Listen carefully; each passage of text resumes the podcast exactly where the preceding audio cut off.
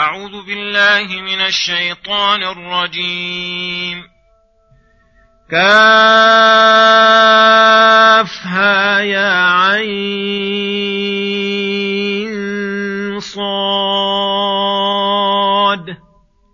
ذكر رحمة ربك عبده زكريا. إذ نادى ربه نداء خفيا. قال رب إني وهن العظم مني واشتعل الرأس شيبا. ولم أكن بدعائك رب شقيا.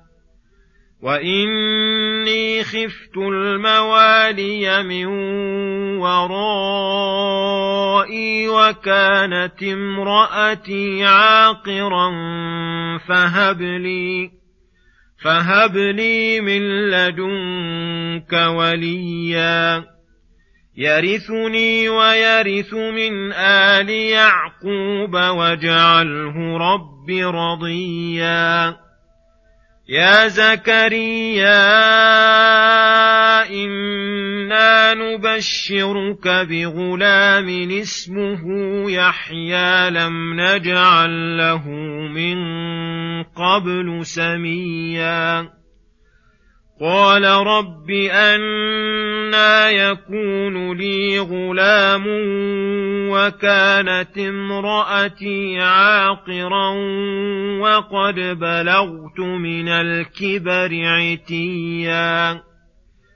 قال كذلك قال ربك هو علي هين وقد خلقتك من قبل ولم تك شيئا. قال رب اجعل لي آية. قال آيتك ألا تكلم الناس ثلاث ليال سويا. فخرج على قومه من المحراب فأوحى إليهم أن سبحوا بكرة وعشيا. السلام عليكم ورحمة الله وبركاته. بسم الله الرحمن الرحيم.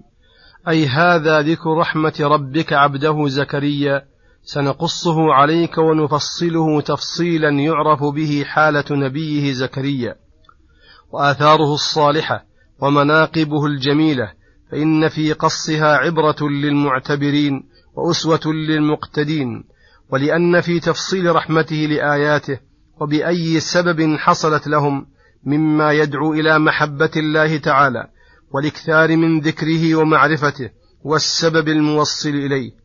وذلك أن الله تعالى اجتبى واصطفى زكريا عليه السلام لرسالته وخصه بوحيه فقام بذلك قيام أمثاله من المرسلين ودعا العباد إلى ربه وعلمه ما علمه الله ونصح لهم في حياته وبعد مماته كإخوانه من المرسلين ومن اتبعهم.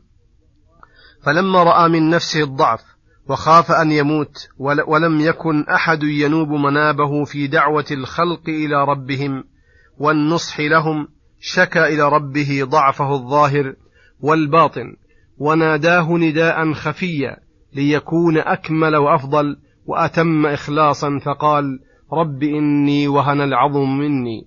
أي وها وضعف وإذا ضعف العظم الذي هو عماد البدن ضعف غيره واشتعل الرأس شيبا لأن الشيب دليل الضعف والكبر ورسول الموت ورائده ونذيره فتوسل إلى الله تعالى بضعفه وعجزه وهذا من أحب الوسائل إلى الله لأنه يدل التبري من الحول والقوة وتعلق القلب بحول الله وقوته. ولم أكن بدعائك رب شقيا أي لم تكن يا ربي تردني خائبا تردني خائبا ولا محروما من الإجابة. بل لم تزل بي حفيا ولدعائي مجيبا ولم تزل ألطافك تتوالى علي وإحسانك واصلا إلي وهذا توسل إلى الله بإنعامه عليه وإجابة دعواته السابقة فسأل الذي أحسن سابقا أن يتمم إحسانه لاحقا وإني خفت الموالي من ورائي أي وإني خفت من يتولى على بني إسرائيل من بعد موتي أي لا يقوم بدينك حق القيام. ولا يدعو عبادك إليك. وظاهر هذا أنه لم ير فيهم أحدا فيه لياقة لم ير فيه أحدا فيه لياقة للإمامة في الدين. وهذا فيه شفقة زكريا عليه السلام ونصحه وأن طلبه للولد ليس كطلب غيره قصده مجرد المصلحة الدنيوية وإنما قصده مصلحة الدين والخوف من ضياعه ورأى غيره غير صالح لذلك. وكان بيته من البيوت المشهورة في الدين ومعدن الرسالة ومظنة للخير فدعا الله أن يرزقه ولدا يقوم بالدين من بعده. واشتكى أن امرأته عاقر أي ليست تلد أصلا وأنه قد بلغ من الكبر عتيا أي عمرا يندر معه وجود الشهوة والولد. فهب لي من لدنك وليا وهذه, وهذه الولاية ولاية الدين وميراث النبوة والعلم والعمل. ولهذا قال يرثني ويرث من آل يعقوب واجعله رب رضيا. أي عبدا صالحا ترضاه وتحببه إلى عبادك. والحاصل أنه سأل الله ولدا ذكرا صالحا يبقى بعد موته ويكون وليا من بعده ويكون نبيا مرضيا عند الله وعند خلقه وهذا أفضل ما يكون من أولاد. ومن رحمة الله بعبده أن يرزقه ولدا صالحا. جامعا لمكارم الأخلاق ومحامد الشيم. فرحمه ربه واستجاب دعوته فقال يا زكريا إلى قوله وعشيا. أي بشره الله تعالى على يد الملائكة بيحيى وسماه الله له يحيى وكان اسما موافقا لمسماه يحيى حياة حسية فتتم به المنة ويحيا حياة معنوية وهي حياة القلب والروح بالوحي والعلم والدين. لم نجعل له من قبل سميا أي لم يسم هذا الاسم قبله أحد. ويحتمل أن المعنى لم نجعل له من قبل مثيلا ومساميا فيكون بشارة بكماله واتصافه بالصفات الحميدة وأنه فاق من قبله. ولكن هذا على الاحتمال على العموم. ولكن هذا الاحتمال هذا العموم لا بد أن يكون مخصوصا بإبراهيم وموسى ونوح عليهم الصلاة والسلام ونحوهم ممن هو أفضل من يحيى قطعا. حينئذ لما جاءت البشارة بهذا المولود الذي طلبه استغرب وتعجب وقال رب أن يكون لي غلام والحال أن المانع من وجود الولد موجود بي وبزوجتي وكأنه وقت دعائه لم يستحضر هذا المانع لقوة الوارد في قلبه وشدة الحرص العظيم على الولد وفي هذه الحال حين قبلت دعوته تعجب من ذلك فأجابه الله بقوله كذلك قال ربك هو علي هين أي الأمر مستغرب في العادة وفي سنة الله في الخليقة ولكن قدرة الله تعالى صالحة لإيجاده بدون أسبابها فذلك هين عليه ليس بأصعب من إيجاده قبل قبل ولم يكن شيئا.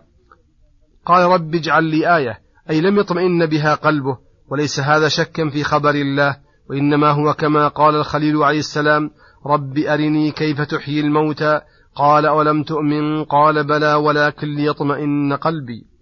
فطلب زيادة العلم والوصول إلى عين اليقين بعد علم اليقين فأجابه الله إلى طلبته رحمة به قال آيتك ألا تكلم الناس ثلاث ليال سويا.